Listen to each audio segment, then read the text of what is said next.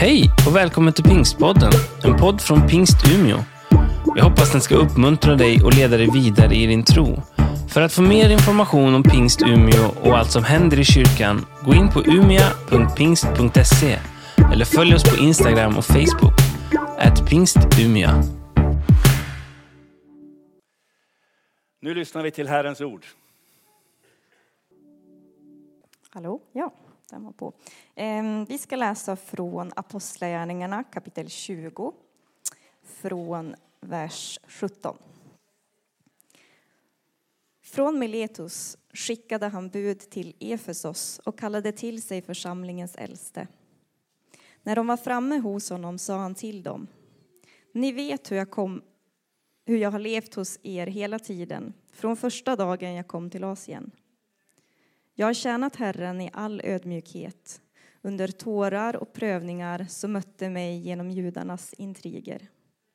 Jag har inte hållit tillbaka något som kunde vara till nytta för er, utan jag har predikat och undervisat offentligt och i hemmen och vittnat för både judar och greker om omvändelsen till Gud och tron på vår Herre Jesus.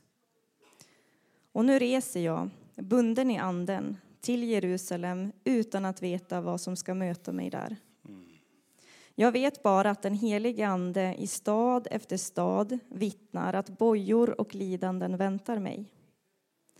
Men jag anser inte att mitt liv vara värt något för mig själv. Bara jag får fullborda mitt lopp och den uppgift jag fått av Herren Jesus. Att vittna om Guds nåds evangelium. Och nu vet jag att ni aldrig mer kommer se mitt ansikte. Alla ni som jag har gått omkring hos och predikat riket för. Därför betygar jag mig idag för er att jag inte är skyldig till någons blod. För jag har inte tvekat att förkunna för er hela Guds vilja och plan.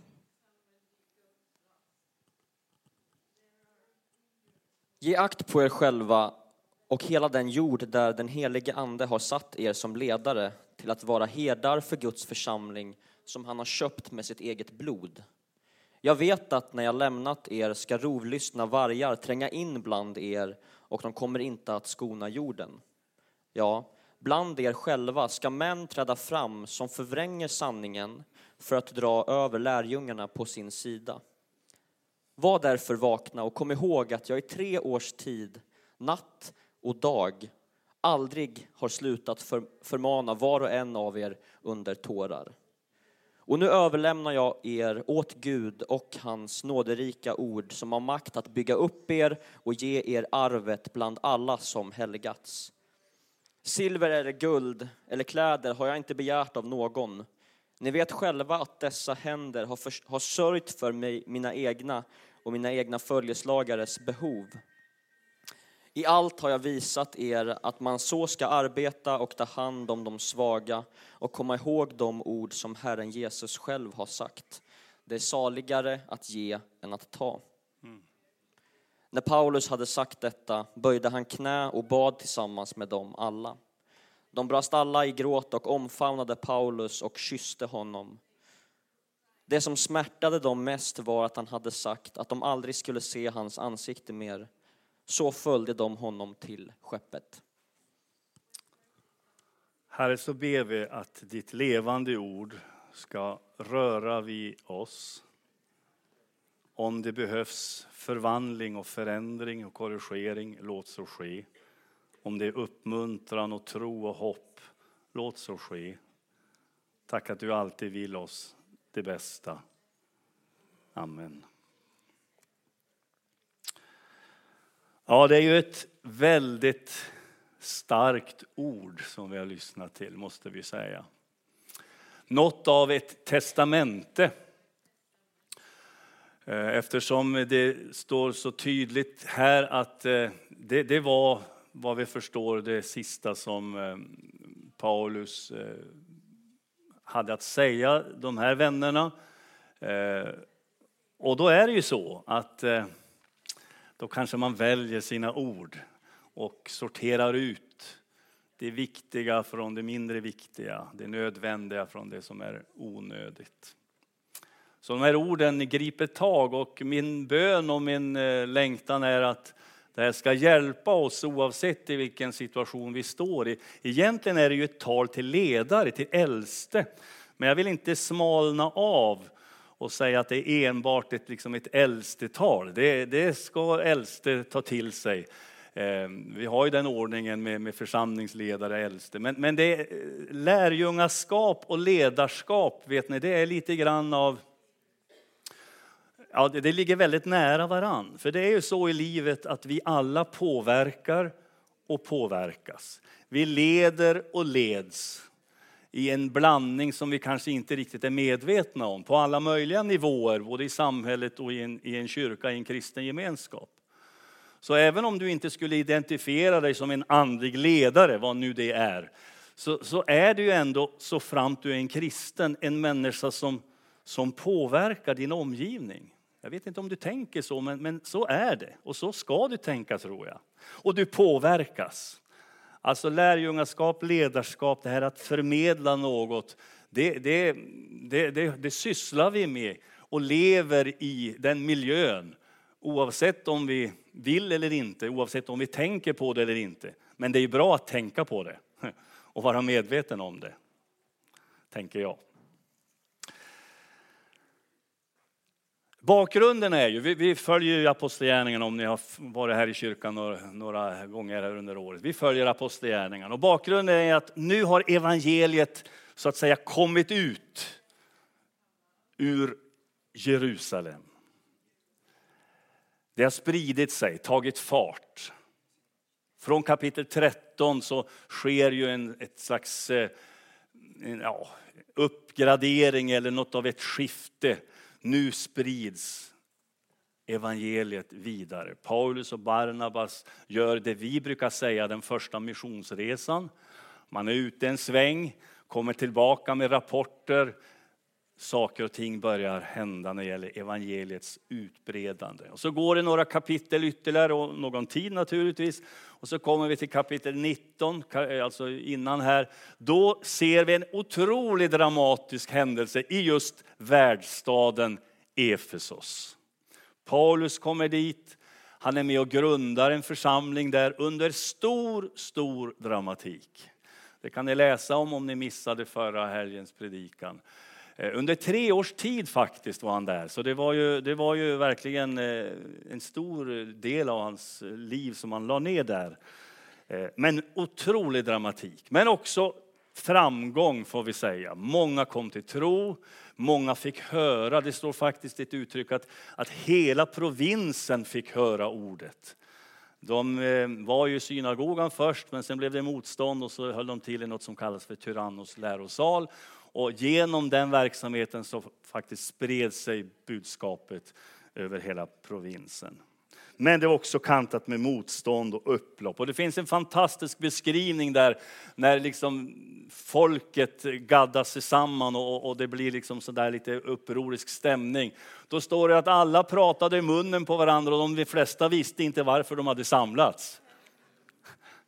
Man kan ju tro att det är något slags möte. Nej, men så är det ju. Det där är väl människan i ett nötskal. Vi liksom dras med. Ditt folk far och, och den åsikten, då, då, då, är det lätt att haka på och så är det som någon slags egen inneboende kraft och så pratas det. Men egentligen när man, vet man inte riktigt vad, vad handlar det om egentligen. Alltså vi rycks med, vi påverkas. Ja, jag kan lämna det. Det där var i kapitel 19. Bakgrunden är i alla fall, Paulus har varit med och grundat en stor församling i en världsstad. I en världsstad.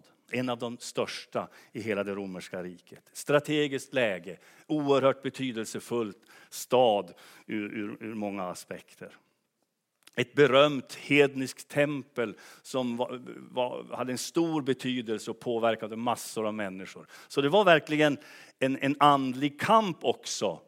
Den kristna tron och den hedniska och eh, kampen däremellan. Det kan ni läsa om i kapitlet innan. Det som ju fascinerar oss, tror jag, och, och, och kristna när man har läst texten här, det är ju Paulus fasta strategi att nå städerna, att nå de stora folksamlingarna med evangeliet, att kunna beröra Inte bara, eller bara, inte enbart enskilda, utan regioner, områden, städer.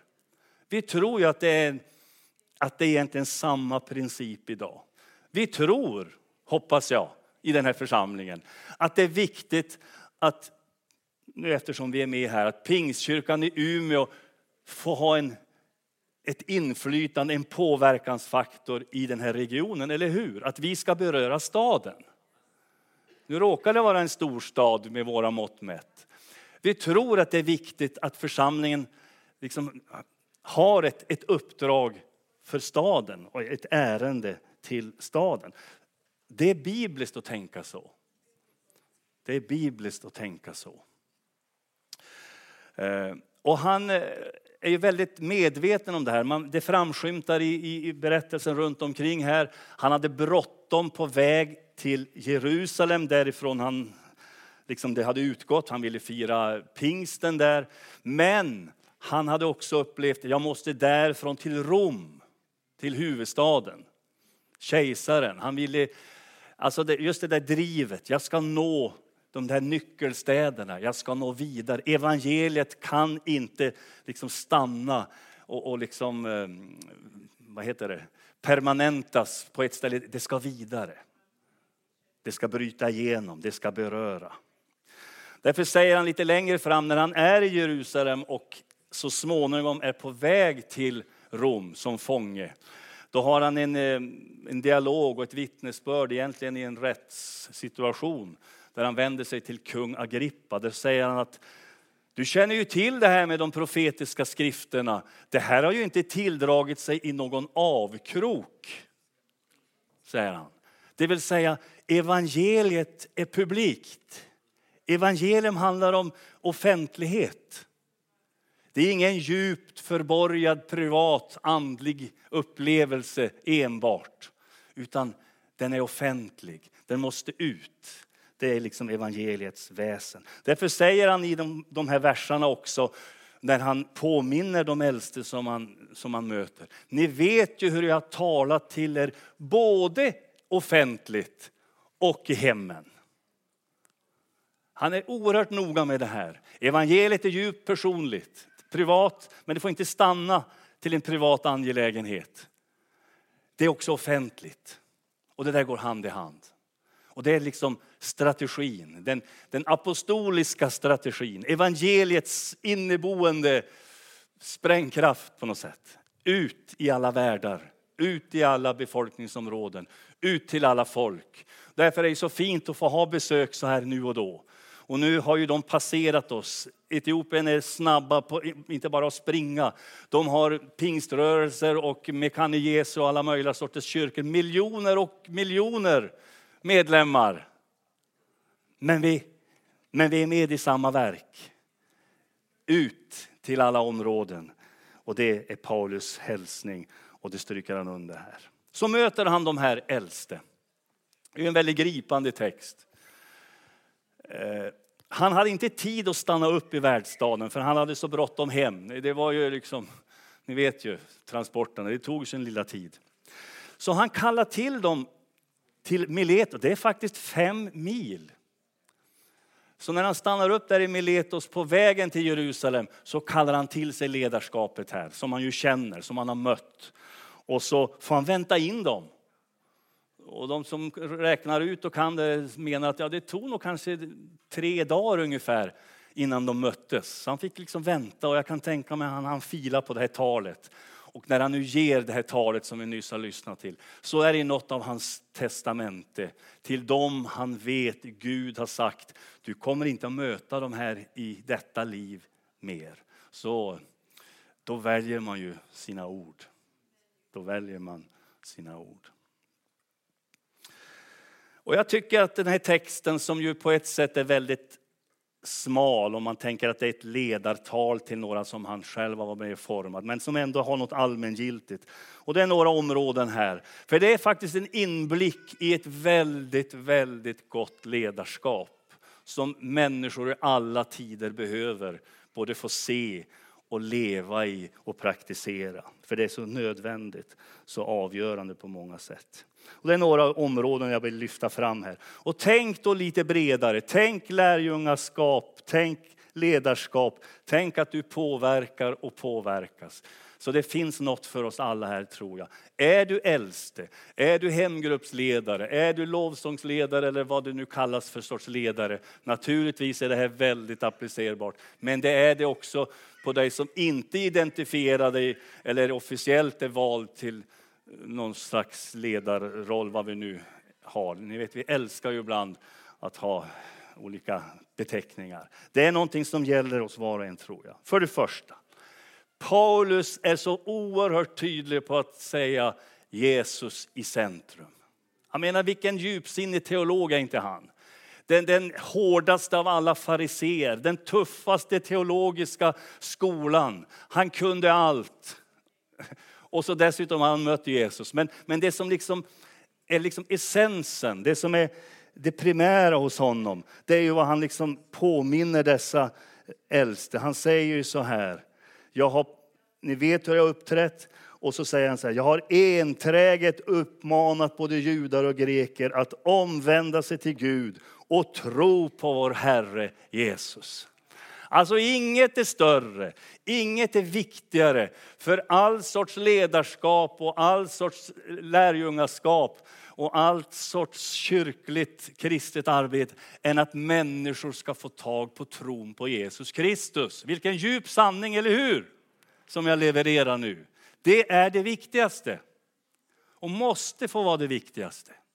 Det finns jättemånga saker som vi sysslar med som är viktigt och som vi ska liksom ägna tid åt. Men det viktigaste, och det är därför han säger ja, enträget. Det är ett gammaldags ord, jag vet knappt vad det betyder. Men jag tror att det, man lägger kraft och energi bakom det. Man prioriterar det.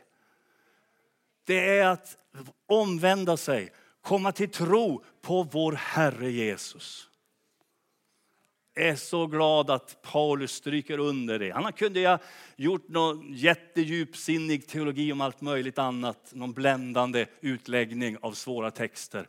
Men han håller sig till kärnan. Och därför är jag så glad att den här församlingen har antagit den här visionen som jag hoppas du har inom dig.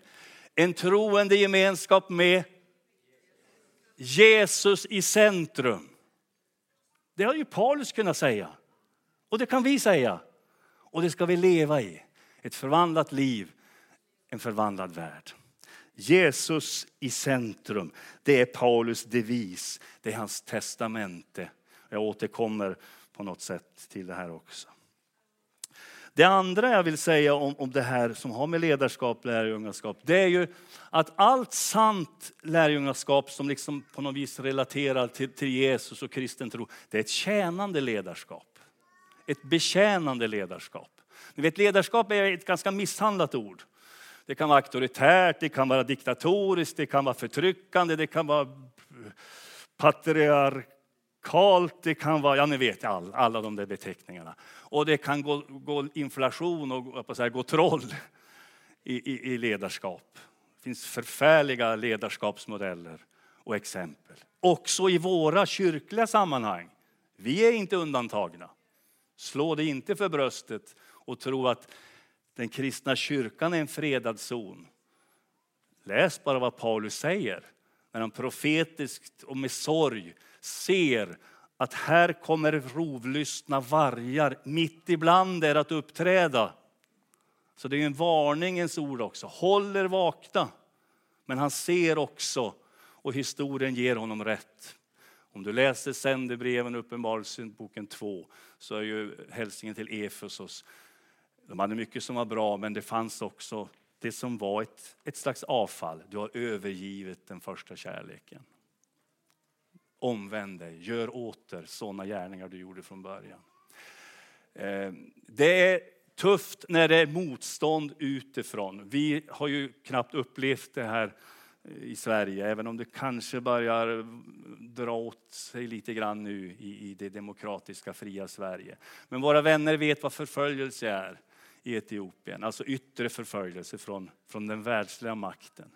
Men det som genom tiderna har skadat och sargat och härjat den kristna församlingen mest är ju faktiskt inte det yttre trycket, utan det är de rovlystna vargarna. Så det här är profetord från Paulus. Alltså inifrån. Där ledare som inte är ledare har slitit sönder, lockat över, orena motiv, själviska motiv, kommersiella motiv, vinstintressen, egenintressen. Jo, du kan nämna alla möjliga epitet. Men det betecknande är, de var inte sända, de var inte herdar av Guds, alltså från Gud, utan det var något annat. Det talar ju faktiskt Paulus om här. Nej, allt ledarskap med, med liksom kristet förtecken, eller vad man ska säga, det är ett betjänande. Ett tjänande ledarskap. Och där är ju Jesus modellen och där låter det ju som skryt, men jag tror faktiskt det här är sant. Paulus har uppträtt ödmjukt och han hade Jesus för sina ögon. Jag tror säkert han tog de här parallellerna. Läs gärna Filipperbrevet 2 där Paulus beskriver hur Kristus som ägde allt avstod allt och antog en tjänares gestalt när han blev som en av oss. Och så utvecklar han det. Det är som en fantastisk lovsång av ett betjänande ledarskap där Jesus är modellen, modellernas modell. Jesus själv ger ju exempel på det här i Johannes 13 när han samlar lärjungarna. När de sitter där lite små förvirrade och lite små upptagna om vem som ska få första platsen vid, vid, vid bordet. Då tar han det otänkbara, eller då gör han det otänkbara. Då tar han det där förklädet och binder om sig och börjar tvätta lärjungarnas fötter. Slavens, tjänarens uppgift. Det fullständigt otänkbara gör mästarnas mästare. Det betjänande ledarskapet. Och så gör han och är han modellen för allt sorts ledarskap i alla tider. Det är det där jag tror Paulus har för sina ögon när han säger, ni vet hur jag uppträtt. En annan översättning säger, ni vet hur jag umgåtts med er. När, jag kom till, eller när vi kom till Arjeplog, jag tror jag berättat det här förut. De flesta predikanthistorier har man berättat förut. Men den här är ju sann, för jag har varit med om den själv. Till skillnad från andra historier, som också kan vara bra, men det är mera poänger så där som man vill få fram. Då knackade det på, det var alltså 1989, det är 30 år sedan nu. Då knackade det på eh, någon av första dagarna där. Och så kom det en liten grabb och så sa han, för han visste att det var barn i huset, ska vi vara i lag? Ska vi vara i lag? Ett underbart ord. Ni vet hur jag har umgåtts bland er säger Paulus. Ska vi vara i lag? Jag säga både i sandlådan och andra lådor. Man delar livet, man möts nära. Ett tjänande ledarskap. Ja, det var punkt två det där. Och klockan går. Punkt tre personliga relationer. Det, det, det, sitter ihop det här. Tjänande ledarskap, personliga relationer. Tänk att han säger, jag har väglett var och en av er under tårar. Alltså vilket, jag får säga vilken kille. Vilken ledare, vilken, vilken, vilken tjänare, vilket föredöme. Ledarskap och påverkansfunktionen här som det handlar om, det, det sköts relativt dåligt från kontor och på avstånd. Även om man också behöver arbetsplatser. Nej, det som djupast tror jag berör, det är det här nära. Dela livet så pass personligt att du får se in i en annan människas liv och tankar och handlingar. Att komma nära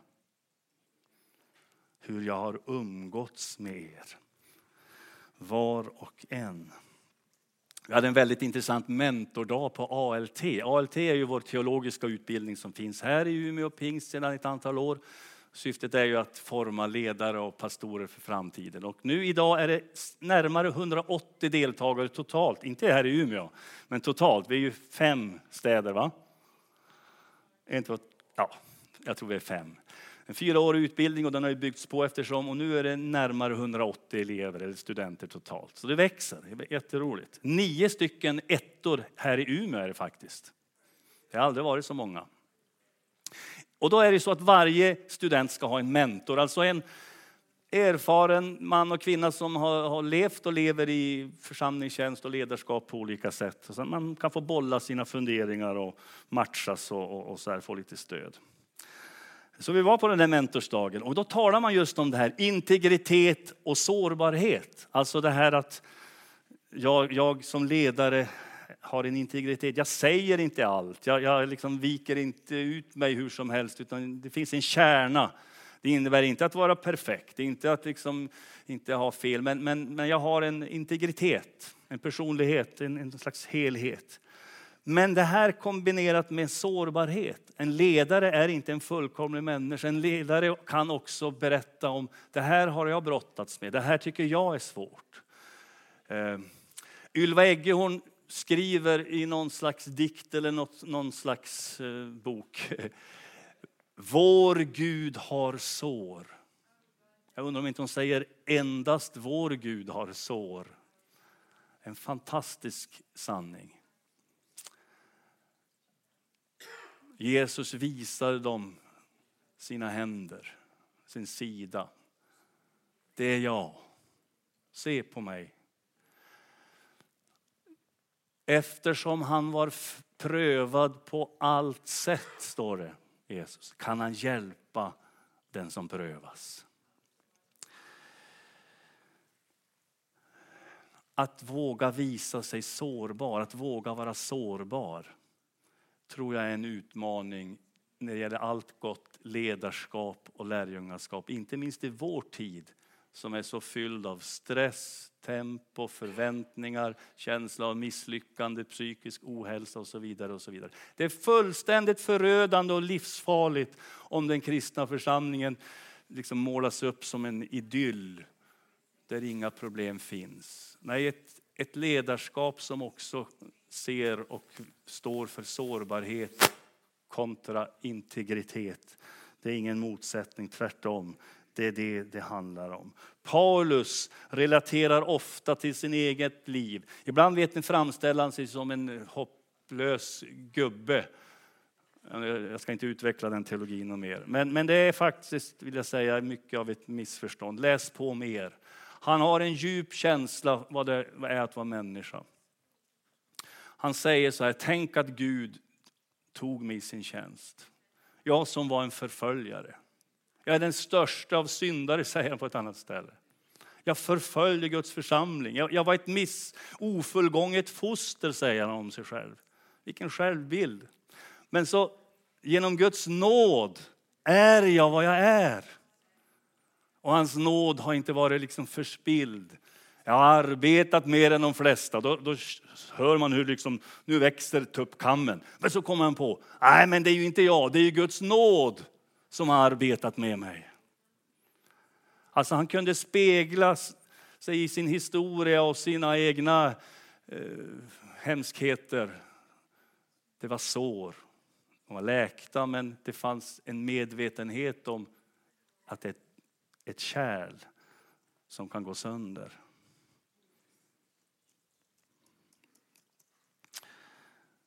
Personliga relationer kommer alltid att vara hård valuta. Och inte minst i vår tid. Underskatta aldrig det. Fall inte för alla tekniska, smarta, strategiska knep och tricks som du läser och hör om. De kan vara bra. Men ingenting slår de djupa personliga relationerna när det gäller att långsiktigt bygga och få se människor bli förvandlade. Jag har väglett var och en under tårar. Det är djupheter. Och det sista, överlåtelse. Jag vet inte hur många år Paulus hade som kristen här. Men eh, när man läser och förstår att han ser på något sätt att så här kommer mitt liv att bli. Men han, han slår fast med en sån skärpa att det, det, det är det som gäller. Det finns bara en väg. Det finns något slags heligt måste och det är framåt. Jag vet att det här kommer att möta mig som är svårt. Jag tror han anar att, att det kommer att sluta på ett sätt. Men han, till och med det, när han lägger liksom det i den vågskålen så, så, så säger han att det, det, som ändå, det är ändå bara ett som riktigt, riktigt betyder något på djupet. Det är att få fullborda mitt lopp. Att göra det som Gud har kallat mig till. Jag har fått ett uppdrag och det viktigaste det är att få, få fullborda det. Ni vet, vi citerar i Timotebrevet och säger att han har fullbordat. Jag har kämpat den goda kampen. Jag har fullbordat loppet. Jag har bevarat tron. Man tror ju att det var kort därefter han led martyrdöden. Här är ju några år tidigare, men det är samma intention. Jag vill kämpa trons goda kamp. Jag vill fullborda loppet. Jag är inte framme. Jag är överlåten åt det här. Det här är min, mitt livs melodi. Ingen och ingenting ska liksom få ta det ifrån mig. Det är både en realism och en tillit till Gud. Och det tycker jag vi ska ha med oss. Han talar realistiskt om faror.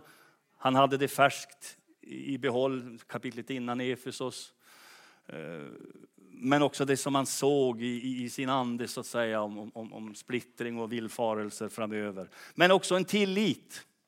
En, en otrolig tillit till Gud. Han säger att jag överlämnar det nu åt Guds nådesrika evangelium. Jag anförtror er åt Gud och hans nåderika ord. Hans tilltro till att Gud har makt att bevara och upprätthålla en människa och en församling. Överlåtelse. Jag har ett par belysande exempel och ska avsluta med det.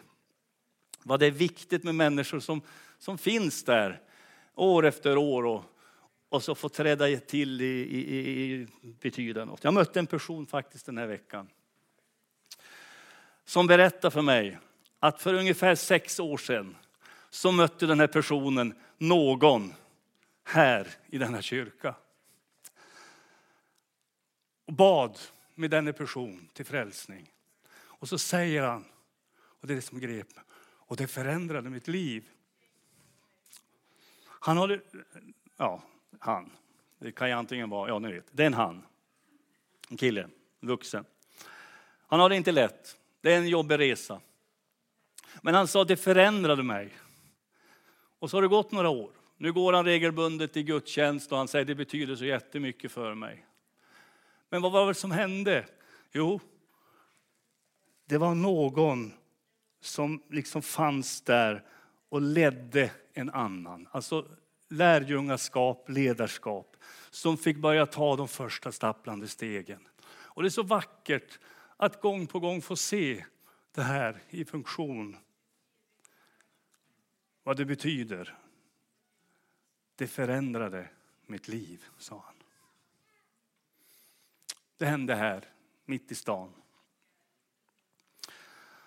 Och när jag förberedde det här så var det faktiskt så. Det är ju förmätet att ta egna vittnesbörd så där, och, som exempel, men ta det för vad det är. Under tonåren så var jag i Lycksele. Läste där i gymnasiet. Och så var jag på en gudstjänst. Det här är cirka 45 år sedan. Då predikar Leif Olsson, alltså en av våra medlemmar. De har ju varit missionärer i Sydamerika. Jag minns inte vad han talade om. Men han predikade där. Kristoffer Gramer var en annan predikant där som ledde mötet. Jag satt på läktaren. Och det handlade om kallelse, om att möta Gud, att säga ja till Gud.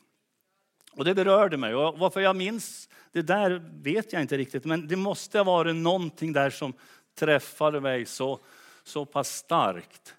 Och det var tillfälle för förbön, förbön och folk kom fram. Och jag gick gången ner från, från läktaren, ställde mig någonstans där och de bad för mig. Och jag har tänkt på det där. Jag, jag minns inte riktigt vad, vad Karn sa. Men det var, en, det, det, var, det var ett tillfälle för Gud att liksom röra mitt, mitt eh, tonårshjärta. Och så bara så här 45 år senare, ja, på något sätt är det ändå det som har... Ja, jag, är, jag är kvar i branschen. Alltså det, det gjorde någonting. Och huruvida det har varit en helgjuten överlåtelse överlåter jag åt andra att bedöma. Men det gjorde någonting förvandlande på sikt. Alltså, vi måste tänka de långa linjerna. Gud är inget tvärprojekt. Det handlar om livet.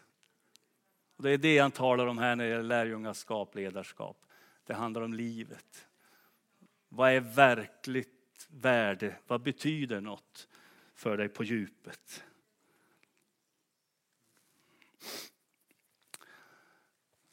Vi ska be tillsammans. Jag tycker det här är en utmanande text. Och jag tycker vi lever i en utmanande tid. Alla känner av stress. Alla i princip säger att vi har fullt upp. Jag har knappt mött någon som har mycket tid över, oavsett åldersgrupp. Många känner sig utmattade på gränsen och kanske över gränsen. Psykisk ohälsa, utbrändhet, gå i väggen. Ni vet, det finns så mycket som vi möter som är ganska nära oss var och en, om vi ska vara ärliga. Och ändå vill jag säga, med all respekt för vad livet har gjort och gör med dig, så tror jag att den här texten säger något väldigt viktigt om att överlåta sig åt Gud. Kanske för första gången. Och då menar jag för livet. Alltså det är stora frågor. Det som kan förvandla och förändra och ge riktning åt ditt liv. Inte för den här veckan enbart, eller för den här dagen. Utan det har med livet ditt att göra. Vad Gud har lagt i ditt liv och vad du ska göra med ditt liv. Jag tror att Jesus kan möta dina djupaste behov. Och därför kallar han på dig också till just denna överlåtelse. Att komma till honom. Kom till mig, predikade Samuel för några veckor sedan. Kom till mig, säger Jesus. När jag som tonåring för 45 år sedan gick de där stegen ner så hade jag ju ingen susning om vad livet skulle... Jag visste att jag ville tjäna Gud och leva för Gud. Och de bad för mig och jag pratade med min pastor hemma och han var bestämd och uppmuntrande på samma gång. Gå färdigt gymnasiet, du ska inte sluta skolan och hoppa av. Och det gjorde jag fast det var ett jobbigt beslut för det var så tråkigt med skolan. Men jag gjorde det och sen kom jag ut på bibelskola och sen var det någon församling som förbarmade sig över och nu står jag här 43 år senare. Alltså det, det, är viktigt med gudsmöten i unga år där du kan få göra över, din överlåtelse och liksom det får rikta livet. Men du kanske är en sån som jag är nu, tunnhårig och gråhårig. Det är också viktigt att du får göra överlåtelser och säga ja till Gud för det år du har. Att leva ett lärjungaskap som också innebär ett sorts ledarskap för du kommer att påverka och påverkas av andra. Så jag vill bara kalla oss alla till en överlåtelse åt Jesus Kristus på djupet med allt vad det kan möjligtvis innebära. Ett allvarligt perspektiv men också ett hoppets perspektiv. Inget mer, inget mindre. Så låt oss be. Jag ber att lovsångsteamet Patrik kom, sjung med oss. Förebedjarna gör sig i ordning. Vi har ju en förbönsplats här, man kan tända ljus, man kan skriva bönämne. Du kan gå till det vi kallar då för sista bänken. Längst bak har vi en särskild förbönsplats. Om du känner idag är dagen där jag vill ge mig själv åt Jesus Kristus. Kanske för första gången, kanske du kommer efter många gånger och kommer och kommer igen. Det går lika bra. Men tänk om den här dagen kunde få bli något som riktade ditt liv. Det handlar om så stora värden. Så låt oss be, låt oss prisa Gud, låt oss vara här i, i överlåtelse. Jag tror Gud kan påminna dig om vad du behöver säga ja till när det gäller hans väg med ditt liv. Och vi vill bara stryka under. Säg ditt ja. Tänk igenom, men säg ditt ja till honom. Så låt oss be.